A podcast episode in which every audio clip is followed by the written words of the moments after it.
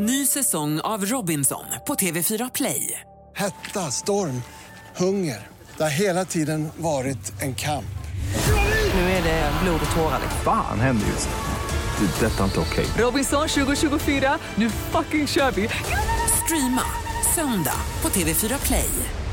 Hej, det är jag som är Lotta Bromé och det här är ett inslag från Halv tre med Lotta Bromé på Mix Megapol. Ylva Söderfält, välkommen till Halv tre. Tack så mycket. Docent i ID och lärdomshistoria vid Uppsala universitet. Eh, Och du har studerat hur pandemin har förändrat vårt sätt att förhålla oss till varandra. Vad är det för förändring du har sett? Ja, jag tror att våra kroppar har blivit lite större under pandemin och eh, inte bara för att en del kanske har gått upp i vikt utan jag tror att våra kroppar har utökats till att omfatta någon slags bubbla eller aura runt omkring oss som vi liksom inte kan se men ändå är medvetna om som en sorts liksom virusbubbla runt omkring oss som är en del av vår kropp numera för att vi förväntas att ta ansvar för den som om det vore våra armar eller ben eller så. Ja, så det blir liksom som någon slags revir då man har runt omkring sig. Kom inte för Ja. nära här. Ja, precis. Och tidigare så kanske du var tvungen att be om ursäkt om du råkar knuffa till någon rent fysiskt. Men idag så är det ju om du råkar liksom knuffa till någon med den här osynliga bubblan av din kropp. Då är det, får man be lite om ursäkt för. Jaha, ja. Eh, finns det liknande förändringar genom historien eller?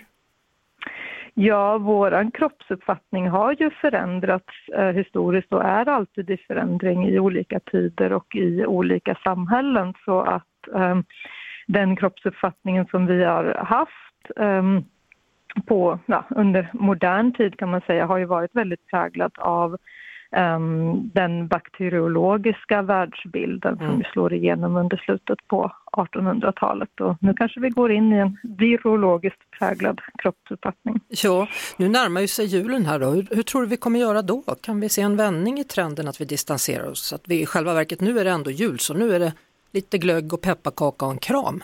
Inte? Mm.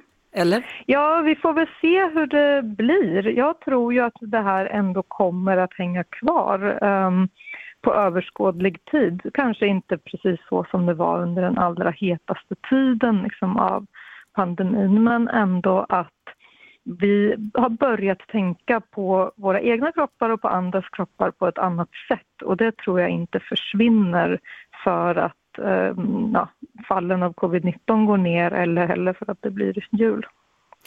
Tack så mycket Ylva Söderfält, docent i idé och lärdomshistoria vid Uppsala universitet.